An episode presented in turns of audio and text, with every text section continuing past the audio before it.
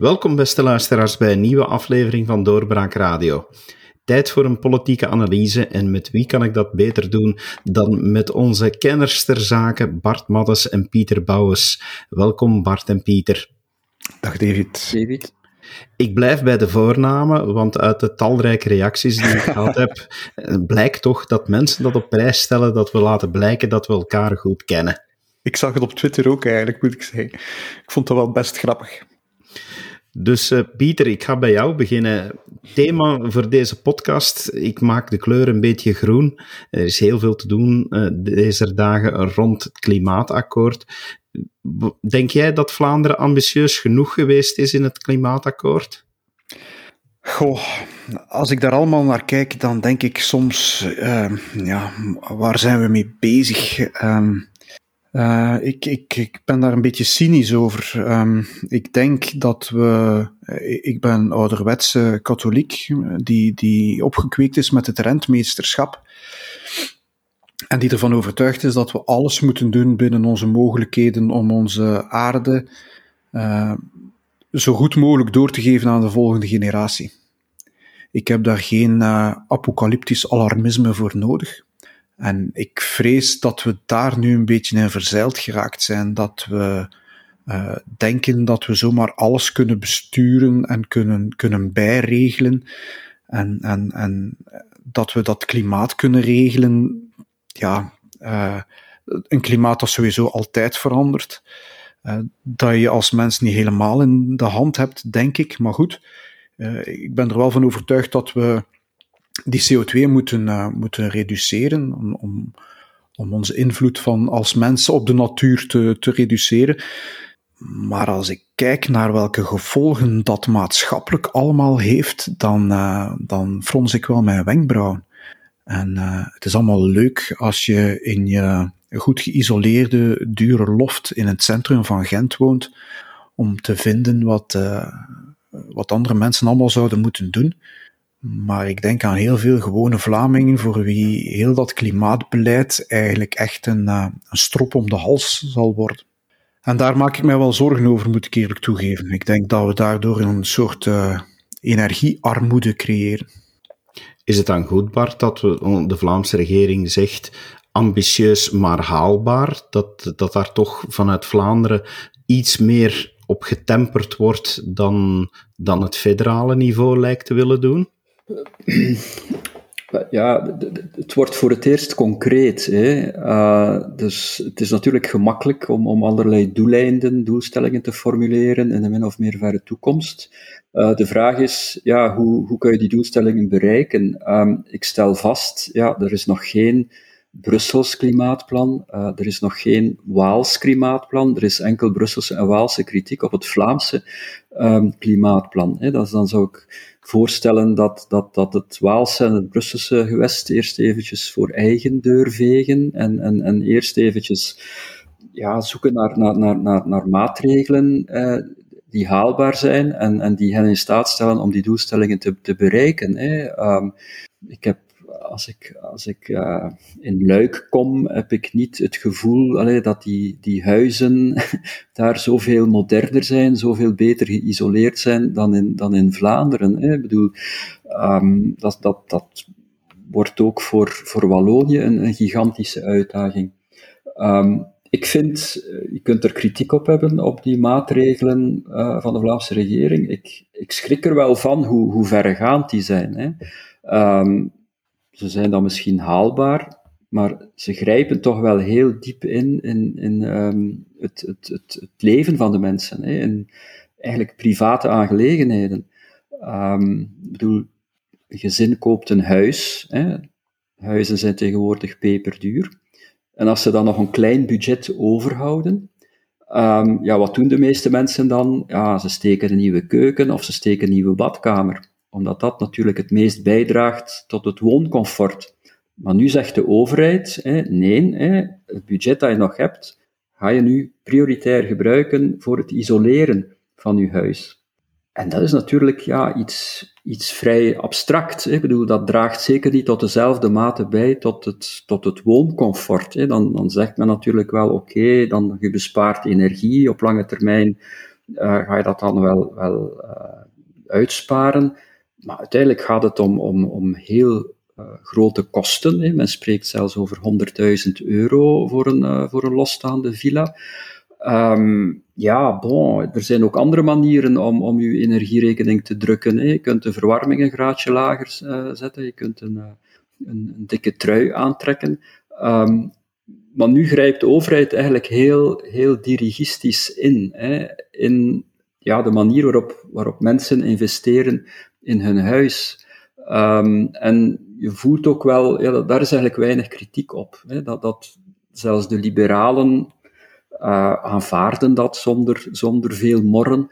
Um, en ik, ik vind dat je daar toch wel een soort vergelijking ziet. Hè. We hebben dat ook al besproken in verband met de, met de coronacrisis. Ja, dat, zodat dat ingrijpen van de overheid in het dagelijkse leven, hè, het beperken van de, van de vrijheden op allerlei vlakken, in functie van een hoger doel, hè, in dit geval um, uh, de klimaatproblematiek, uh, CO2-reductie terugdrijven, in het geval van corona, het virus bestrijden. En dat is allemaal goed en wel, maar ja, je, de, greep van de staat op ons dagelijkse leven wordt onmiskenbaar groter. Um, en dat vind ik toch wel een, een, een beangstigende evolutie. Waarmee je dan misschien wil zeggen dat er te weinig maatschappelijk debat is om, om dat te doen. Want uiteindelijk misschien is het ook een gebrek aan communicatie en moet er eens eerlijk gezegd worden, kijk, we leven op te grote voet en willen we dat klimaat gaan besparen, dan zullen we moeten stoppen met te besparen op ons geld en met andere woorden, het gaat ons veel geld kosten. Maar ik denk in elk geval dat de Vlaamse regering geen al te goede beurt gemaakt heeft, om, omdat wat ze nu hebben beslist, één, het heeft een enorme impact. Hè. Ik bedoel, ik heb dan nog niet gesproken over, over de impact op de, op de huizenprijzen, die, die heel hoog zal zijn. Uh, dan natuurlijk het hele verhaal van elektrische auto's, die een enorme impact zal hebben op onze mobiliteit. Je hebt de indruk dat, dat, dat de Vlaamse regering nu een beetje leerling-tovenaar speelt. Eigenlijk heel ingrijpende beslissingen neemt beslissingen die ongelooflijk veel ingrijpender zijn dan wat men heeft beslist, bijvoorbeeld naar aanleiding van de begroting eh, en de beleidsverklaring van de Vlaamse regering. Toen ging het eigenlijk over peanuts, eh, het al dan niet indexeren van de kinderbijslag. Uh, dat waren kleinigheden in vergelijking met wat men nu heeft beslist. En je hebt de indruk, misschien is die indruk vals, maar dat is toch de indruk die is ontstaan in de media, ja, dat dat eigenlijk haastwerk is geweest. Dat, was, dat dat improvisatietheater is geweest, dat men eigenlijk onvoldoende de implicaties heeft ingeschat, uh, dat dan eigenlijk te weinig heeft gepraat met de, uh, met de sector. Um, dus dat dat eigenlijk wat, wat nu voor ligt niet zo haalbaar is uh, als wat, als, als wat men beweert. Ik vond ook de, de communicatie daarover eigenlijk nogal knullig. Eh, Zo'n zo belangrijk plan. Ja, het moet een, gecommuniceerd worden met veel toeters en bellen op een, op een veel meer professionele manier. Um, wat ook, dan, zoals je zelf zegt, David, ook, ook veel beter gemotiveerd um, moeten worden. Waarom kiest men bijvoorbeeld niet uh, voor rekeningrijden, uh, maar wel dus eigenlijk voor um, het verbod op verkoop van benzinewagens. Waarom kiest men niet voor een, voor een CO2-belasting? Um, in de plaats van, wat ik daar straks zei, zo ingrijpen op het, op het privéleven van de mensen. Dus dat is eigenlijk allemaal heel weinig gemotiveerd. Pieter, jij bent communicatiespecialist. Als je dat zo bekijkt, ja, vind je dan dat het voornamelijk inderdaad, zoals Bart zegt, dat, dat er een gebrek is aan die communicatie? Of grijpt dit veel dieper in en is de politiek inderdaad te veel bezig met leerling-tovenaar te spelen, zoals Bart zegt? Ik denk dat dat, dat zijn allemaal dingen die heel moeilijk uh, te communiceren zijn. Hè? Je hebt, uh, uh, ja, ik ga weer de parallel maken. Je hebt in, corona een, een, polarisatie in de samenleving, maar je krijgt die nu ook rond al die maatregelen. En dan krijg je het hele eigenaardige effect dat mensen die vinden dat die maatregelen te ver gaan van de Vlaamse overheid, dan ook maar direct vinden dat heel die klimaatopwarming uh, onnozelheid is en dat daar allemaal niks moet voor gebeuren. Hè. Terwijl je natuurlijk wel kan zeggen van oké, onze impact op het milieu is als mens misschien wel heel groot geworden, misschien moeten we daar wat meer rekening mee houden. de vraag is of dat dan allemaal moet gebeuren met uh, financiële verplichtingen, taxen. Um, ja, hoe leg je dat uit aan jonge mensen die dromen van een huis en die dan een, een huis kunnen kopen en, en ja, als ze er eigenlijk goed naar kijken, beseffen dat de aankoopprijs uh, verdubbelt eigenlijk, omdat ze nog eens zoveel moeten investeren in dat huis. Twee, vraag ik mij af, ja, bepaalde maatregelen. Um, ik heb uh, eh, 15 jaar geleden mijn huis verbouwd. Um, ik heb een uh, hoog rendement gasketel. Ik vraag me af of dat rendement, iets wat uh, ook binnenkort zou verboden worden.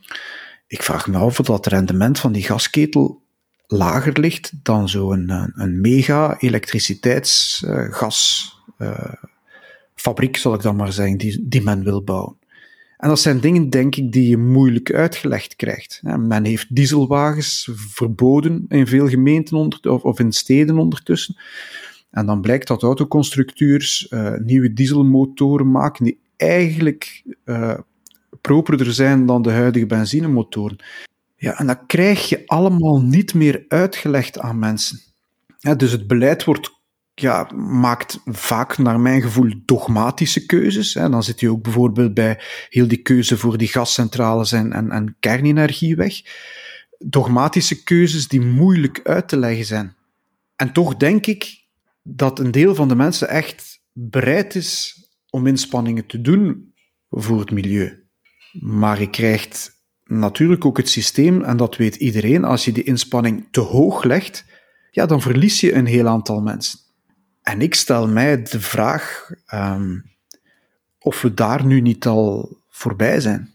Als je kijkt naar het cynisme bijvoorbeeld, dat er is ook op sociale media en gewoon mensen die je ontmoet over bijvoorbeeld klimaatbetogingen en, en, en het gevolg die dat heeft voor hoe mensen over klimaat denken, ja, dan denk ik, we schieten in onze eigen voet. Deze regering, ja, regeringen doen alsof ze met, met kleine ingrepen het hele klimaat kunnen veranderen, terwijl mensen weten dat uh, China en India uh, duizend keer meer vervuilen dan ons en investeren in steenkoolcentrales. Dus ja, goed. Uh, wij moeten een technologische voorsprong nemen, daar kunnen we bij winnen. Maar of dat op deze manier moet, daar twijfel ik ernstig aan. Het probleem is natuurlijk ook dat uiteindelijk dit een heel abstracte problematiek blijft. Hè. Um, ik, uh, er zijn natuurlijk allee, natuurrampen um, recent in de actualiteit, maar ik herinner mij al van in de jaren 70 en 80 dat dat, dat, dat ook zo was. Hè. Ik weet niet of jullie oud genoeg zijn om nog de, het 1976 meegemaakt te, te hebben. Uh, onbewust, dat, Bart. Ik was onbewust, ja. ja. Dat dus begon met de, dus eigenlijk de, de, de overstromingen in Ruisbroek, hè, van de Schelde. Het was ook een extreem warm jaar. En dan, en dan daar kom ik toe, dan later een, een extreem warm jaar. Dus de, de, de grootste hittehalf die ik ooit heb, heb, heb, meegemaakt. Um, en ja, natuurlijk, zo had je toen al bijna elke dag, dat was bijna elke dag in het nieuws, droogte in de Sahel, problematiek van verwoestijning, uh, bosbranden um, in, in, de Verenigde Staten, overstromingen in, in, in Bangladesh. Um, nu, statistisch gezien, en dat ga ik zeker niet betwisten, statistisch gezien blijkt wel dat die extreme uh, weersomstandigheden en dat die rampen, die nemen significant toe. Hè? En dat is, dat is verontrustend. Dus dat, dat betwist ik niet. Um, maar de, als je dat bekijkt vanuit de ervaring van de mensen, blijft dat eigenlijk hetzelfde. Um, maar het grote verschil is dat, dat al die rampen, die er vroeger ook al waren, die er nu ook zijn, misschien statistisch gezien, en zeker statistisch gezien iets meer, ja, die worden natuurlijk nu allemaal geframed vanuit dat klimaatverhaal. Hè. Dus telkens, als er een druppel regen te weinig valt of te veel uh, valt, ja, dan is dat een, een bewijs uh, dat, dat, dat de aarde verwarmt en dat er dus ja, een apocalyps op ons uh, afkomt. En ik heb ook wel het gevoel ja, dat, dat de mensen dat ook doorzien. Hè, dat dat, men, natuurlijk, het is altijd een beetje hetzelfde als bij corona. Um, dus er moeten lastige maatregelen, ingrijpende maatregelen worden genomen. En om die aanvaard te krijgen, om te zorgen dat die legitiem zijn, ja, moet je natuurlijk de mensen bang maken. En, en moet je overdrijven. Hè? Moet je in feite uh, de, de dreiging groter maken dan ze in werkelijkheid is. Moet je prentjes tonen van over zoveel jaar uh, blijft er niets meer over van, van Vlaanderen, of, of, of blijft enkel nog Leuven uh, boven water. Um, en, en op die manier maak je de mensen bang. Um, door eigenlijk altijd uit te pakken met worst case scenario's. En, en moet je ze dus eigenlijk klaarmaken voor die moeilijke uh, maatregelen. Nu, ik heb het gevoel dat dat bij veel mensen niet pakt. Hè. Dat, dat de mensen dat, dat, dat ballonnetje ook doorprikken en misschien wel, zoals Pieter zegt, dat dat een soort pervers effect heeft. Hè. Dat, dat, dat een aversie creëert bij, bij veel mensen voor heel dat klimaatgedoe. Um, en dat je op die manier gaat ja, naar, een, naar een, een steeds sterkere polarisering rond die problematiek. Ik hoor dus de thema's politiek, statistiek, toekomst. Als ik die drie meng, ja, dan moet ik wel de vraag stellen: in 2024, hoewel nog veraf, zal dit misschien dan toch wel een thema worden bij de verkiezingen? De vorige keer werd dat ook al verwacht en werd verwacht dat de partij Groen eh, daar zou op scoren. Maar misschien dat dit alles toch wel heel veel belang gaat hebben en dit allemaal dus electorale gevolgen zal hebben. Of denken jullie daar anders over? Ik denk dat de professor dichter op de onderzoeken zit dan, dan ik. Maar de laatste onderzoeken die ik heb gezien, dan zie je dat klimaat inderdaad wel uh, in die lijstjes voorkomt. De typische lijstjes van waarom, uh, welke onderwerpen bepalen de mensen een stemgedrag, maar dat dat niet bovenaan staat. Hè. Dat, is, dat is voor een niet onbelangrijk deel van de publieke opinie een belangrijk punt, maar niet voor het grootste deel van de publieke opinie. Daar spelen andere punten. Hè. Daar heb ik vorige week ook over geschreven. Ja, migratie bijvoorbeeld. Um, ik, ik wil maar, zal het dan toch niet zo zijn, Pieter? Maar... Nee, maar Pieter, zal het dan toch zo niet zijn dat, dat misschien nu het groene aan zich niet speelt, maar het feit dat, zoals Bart het ook zei, dat men mhm. zo zwaar ingrijpt, dirigistisch, dat dat wel daardoor... Ja, het kan een reden zijn om, om ja, het milieu belangrijk, maar, maar dat men eigenlijk met zijn stem tegen uh, heel, die, heel die toestanden wil stemmen. Hè. Uh, en dan, ja, waar komt men dan terecht? Eigenlijk is dat een, een, een soort paradigma waar alle partijen in meegaan. We moeten grote maatregelen nemen. En laat ons eerlijk zijn, uh, heel die discussies in België tussen Vlaanderen, uh, de federale overheid, Wallonië, uiteindelijk maakt het niets uit, want in Glasgow is de Europese Unie die onderhandelt. Hè. En ja, daar liggen ze eigenlijk weinig wakker van, uh, van, van, de intern Belgische conflicten die er zijn. Maar ik denk wel dat er een aantal partijen zullen zijn. Ja, in hoeverre durft Vlaams Belang en PVDA daar tegenin te gaan? PVDA zie je heel actief aanwezig uh, in, in, op die top, bijvoorbeeld. Um, waar ze dan ook nog de positie van China denken te moeten verdedigen. Altijd grappig, vind ik persoonlijk. Maar um, Vlaams Belang, ik zeg niet dat ze daarover zwijgen, maar het is toch een hoofdthema niet. Ik, ik weet niet, ik heb de indruk dat zij het gevoel hebben dat ze daar weinig kunnen mee winnen. Dat is hun thema niet. En ze zetten daar ook niet op in. Hoewel je wel op Twitter een aantal mensen ziet, Sam van Rooij bijvoorbeeld, die ingenieur is, die daar heel kritisch uh, over tweet. En dan natuurlijk onmiddellijk wordt weggezet als klimaatontkenner. Hè. Want dat is dan natuurlijk het de, de, ja, beeld ook van die polarisatie. Van als je kritiek geeft op die, op die maatregelen, ben je een klimaatontkenner die ontkent hoe dringend het allemaal is. En dat het allemaal door de mens en, en dat wij in Europa dat allemaal kunnen keren. Ehm, het debat wordt, wordt moeilijker en dat, dat zorgt voor een, ja, kan, zorgen, kan zorgen voor een electoraal moeilijke situatie. Ja. Maar Bart, eh, je zei het al, dirigistisch. Ehm, Pieter zei het net ook al, milieu, ecologie staat wel op de lijstjes, maar niet bovenaan. Maar je krijgt nu wel het feit dat, zoals je daarnet zei, door dat dirigistische, dat de ecologie financiële gevolgen gaat hebben en dat het ook echt ingrijpt in het leven van mensen. Denk je dat het daardoor politiek bij de mensen gaat spelen? En ja, politiek bij de mensen wil dus zeggen op een gegeven moment ook in het verkiezingshokje? Ja, ik denk dat zeker. Hè. Dat is inderdaad het nieuwe. Als je kijkt naar 2019, ja, toen werden er eigenlijk door de, door de mainstream um, media, mainstream media enorme inspanningen gedaan om, om uh, het klimaat bovenaan uh, de agenda te zetten en om heel die, die hype rond de klimaatspijbelaars uh, aan te zwengelen. Dus het, het, klimaatthema stond toen wel degelijk bovenaan de politiek en de electorale agenda. Um, alleen heeft dat niet gepakt. Hè. Dus dat heeft niet geleid tot de in bepaalde kringen verhoopte spectaculaire winst van, van groen. We hebben hetzelfde effect gezien, um, hetzelfde, hetzelfde fenomeen in, in september in Duitsland. Hè. Ook daar hebben die groenen eigenlijk veel minder gescoord dan, dan wat men had gedacht, omdat ook daar klimaat een belangrijke rol had gespeeld in de, in, in de campagne. Nu voor 2024, zoals je terecht zegt, eh, David, er is natuurlijk iets nieuws. Ja, het, het, wordt heel concreet. Hè. Uh, de, de, ja, bedoel, de mensen staan voor, voor belangrijke beslissingen. Hè. Moet ik investeren in, in, in isolatie? Um, gaat mijn huis in waarde dalen uh, omdat het niet geïsoleerd is? Moet ik nu een elektrische wagen kopen um, of, of, of niet? Um, ik denk dat dat in 2024 veel, veel belangrijker zal zijn uh, dan, het, dan het was in 2019, toen het nog grotendeels abstract was.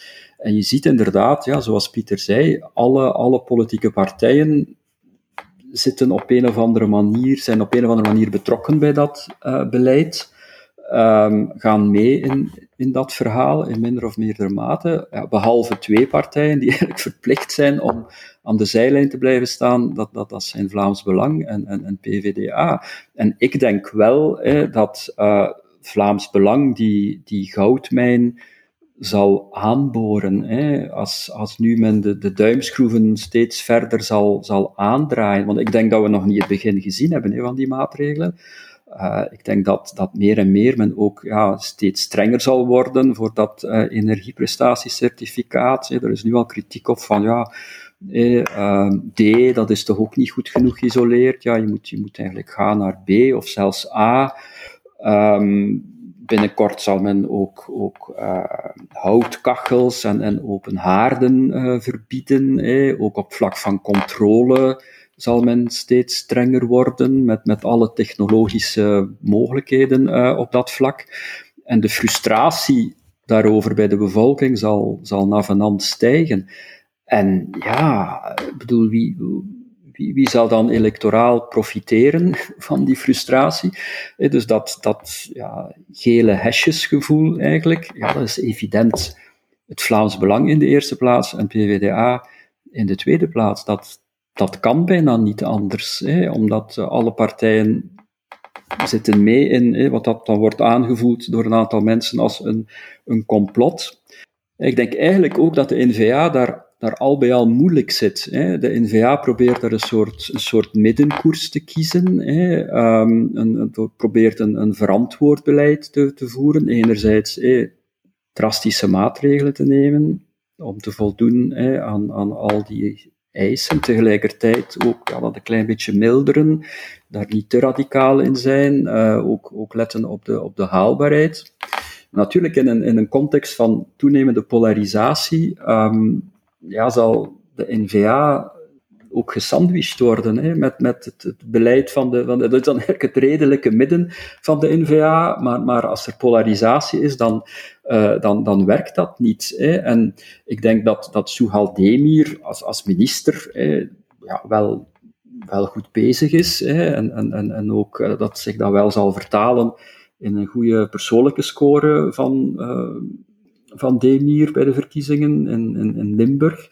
Um, maar je ziet natuurlijk ook ja, dat, dat zulke ministers, hoe, hoe sterk en hoe populair ze ook zijn, toch niet in staat zijn om op een eentje het, het electorale tijd te keren. Hè. We hebben dat ook gezien met Theo Franken in 2019 in, um, in Vlaams-Brabant.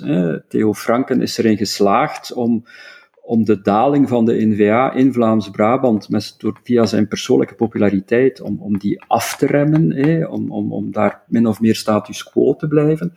Maar dat was niet voldoende om, om de daling van, van de NVA in het algemeen um, tegen te houden. Je ziet dan ook, ja, we doen dat dan, dus natuurlijk Theo Franken heeft enorm veel voorkeurstemmen gehaald. Um, dat zal allicht ook zo zijn met Zuhal Demir in 2024. Maar in feite zijn dat ook N-VA-stemmen die dan eigenlijk worden weggezogen uh, door, door die populaire minister. Hè. Dus zoveel verschil maakt dat aan het einde van de rit toch, toch ook niet.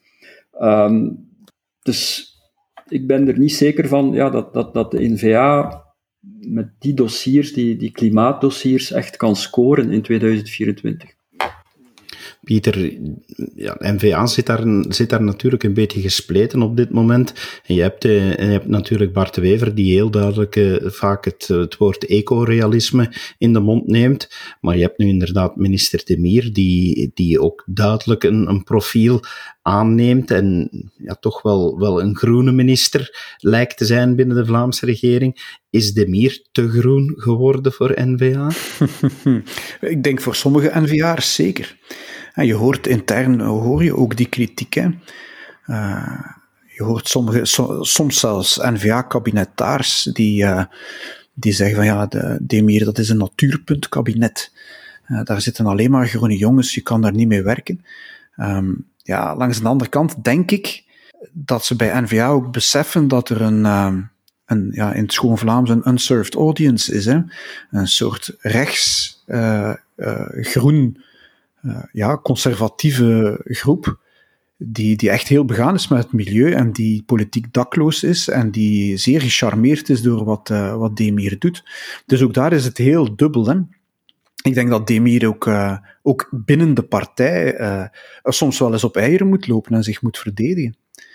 En dan langs de andere kant krijg je, ja, als je de, als je de krant leest, heb ik de indruk dat de, de, de globale opwarming volledig de schuld is van Suhaldemir.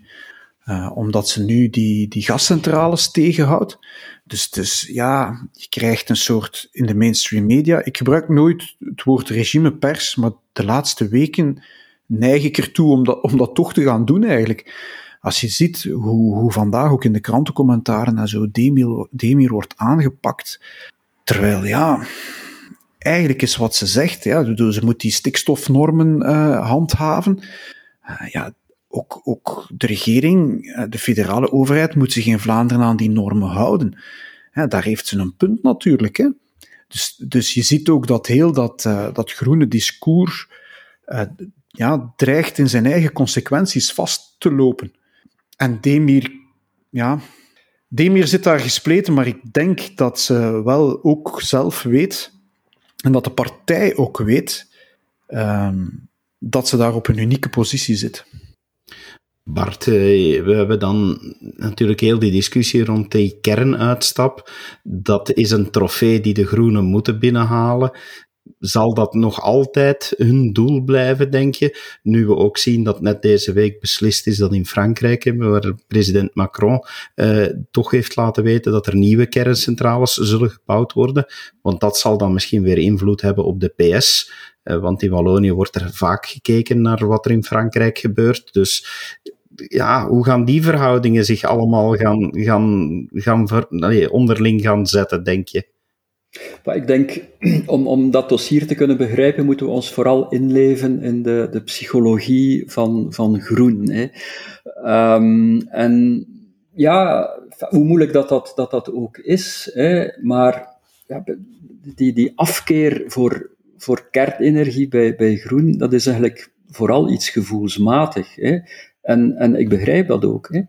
Dat zijn mensen, zeker die al iets oudere generatie, mensen die nog rondgelopen hebben met stickers van kernenergie, nee bedankt, uh, op, hun, op hun boekentas. Um, in de jaren 70 en 80, ja, de, de kernenergie, dat was echt de grote vijand van de, van de milieubeweging. Hè. Dat was zo, had die heel die beeldvorming rond kernenergie, kerncentraal, dat was de occulte macht van de, van de technologie, het kapitalisme, dat enkel maar dacht aan aan winstbejag. Het kernenergie heeft ook altijd zoiets, natuurlijk, iets geheimzinnigs gehad, hè? Iets, iets sinisters eigenlijk. Ik denk, uh, bij, bij gewone elektriciteitscentrales eh, kunnen we ons wel er iets bij voorstellen, hè, dat men turbines doet draaien en daar dat dan dat, dat elektriciteit uh, uit voorkomt. Hè. Dat is eigenlijk een, een, een grote dynamo, zijn men altijd elektriciteitscentrale. Um, maar een kerncentrale, ja, wat daar eigenlijk precies gebeurt van binnen, hè, dat, er zijn weinig mensen die dat eigenlijk snappen. Hè. Dat is zo... Ik heb dat nog moeten zeggen, Bart. Ja, in het, in het vak wetenschappelijke literatuur, in het zesde middelbaar. Ja, dat vak heb ik dan blijkbaar uh, ja, gemist. Ik heb dat moeten leren. Ja. Um, want er is een hele beeldvorming rond, hè, rond, die, rond die kernenergie. Um, iets, iets occult, iets duisters, uh, iets uitermate gevaarlijks. Hè. En dan natuurlijk okay, de kernramp in, in, in Tsjernobyl. Denk bijvoorbeeld, wat ik trouwens een heel goede film vond in 1979, The China Syndrome met, met Jane Fonda heeft eigenlijk ook heel sterk bijgedragen tot die, tot die beeldvorming. En dan natuurlijk die hele generatie, um, dat waren toen nog Agaleffers, hè, die heeft dan in feite hè, een, een, de overwinning kunnen halen in 1999 door die kernuitstap af te dwingen. Hè. Dat was eigenlijk de voorwaarde van Agalef en Ecolo om te kunnen toetreden tot de, tot de paarsgroene regering. En dat is falikant afgelopen. Hè. Dat is eigenlijk een, een mislukking geweest. Dat is om allerlei redenen niet gelukt. Uh, dat heeft een enorm trauma veroorzaakt.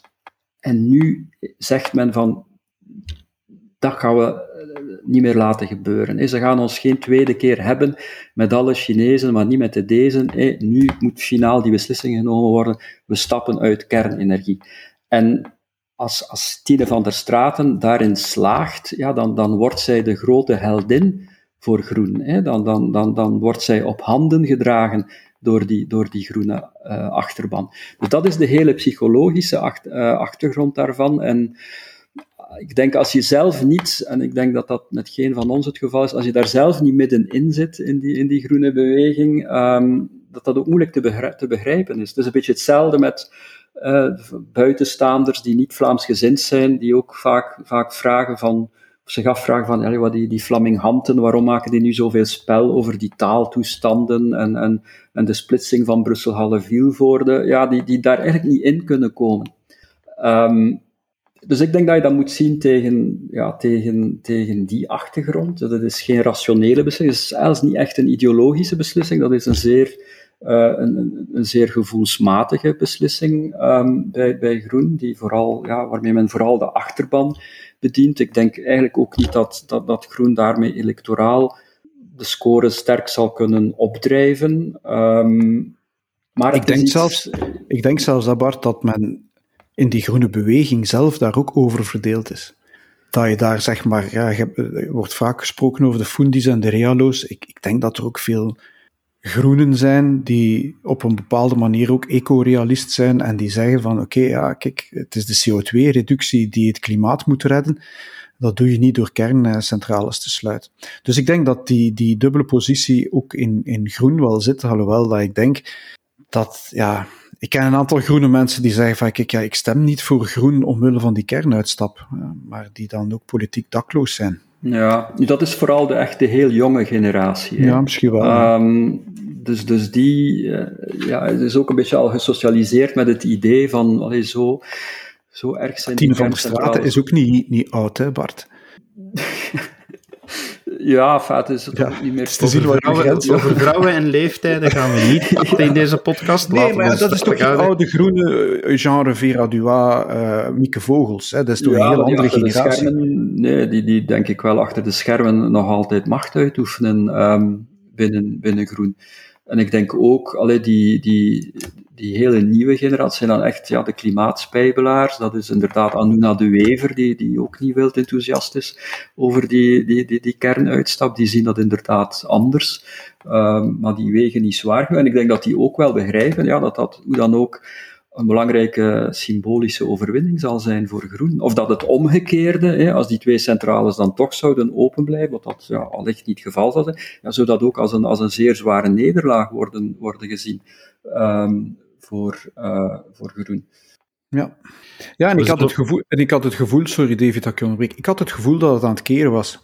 Ik had het gevoel dat je dat je zag van, kijk, we gaan landen, er gaan twee kerncentrales open blijven, de rest zal sluiten en Groen zal zich daarbij neerleggen. Dan zei ik, kijk, we hebben het grootste deel van de kerncentrales uh, kunnen sluiten en de anderen zullen zeggen, um, we hebben toch uh, een aantal kerncentrales kunnen openhouden voor de zekerheid uh, de, en, en, en de prijs en ik weet nog allemaal.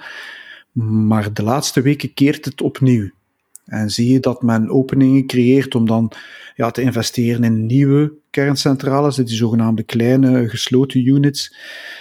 En dat men daar naartoe gaat wat een, uh, wat een onzeker, onzeker compromis is. Hè? Want ja, dat is een technologie die er op dit moment nog niet helemaal is, of toch niet onmiddellijk zal zijn. Mhm.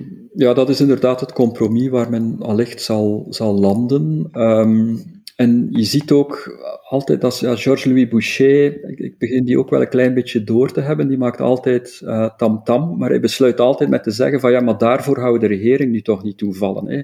We gaan nu toch niet de stekker uit de, uit de, uit de regering trekken. Dus het is altijd veel, uh, hou mij tegen of, een, of ik doe een ongeluk.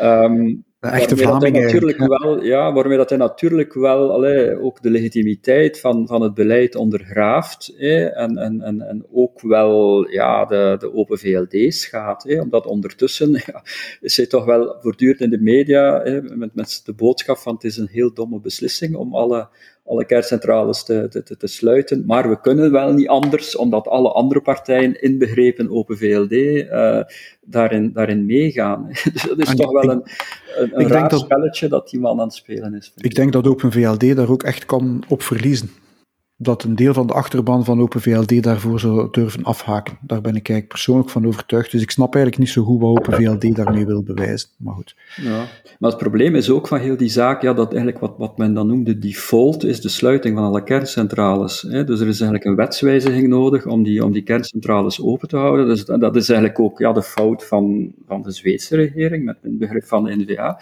Dus de, de voorstanders van, van kernenergie zitten, zitten daar eigenlijk ja, zitten, zitten zeer zitten in een heel moeilijke positie. We zullen moeten in de gaten houden wat er gebeurt. Klimaat, zeer belangrijk thema. Er zullen nog veel moeilijke beslissingen moeten genomen worden, die wij dan kunnen analyseren. Maar het zal ook boeiend zijn om na 2024 een analyse te maken hoe hard het heeft meegespeeld. Maar alvast dankjewel Bart en Pieter dat jullie nu een kijk hebben willen geven op de politieke actualiteit. En heel graag tot binnenkort.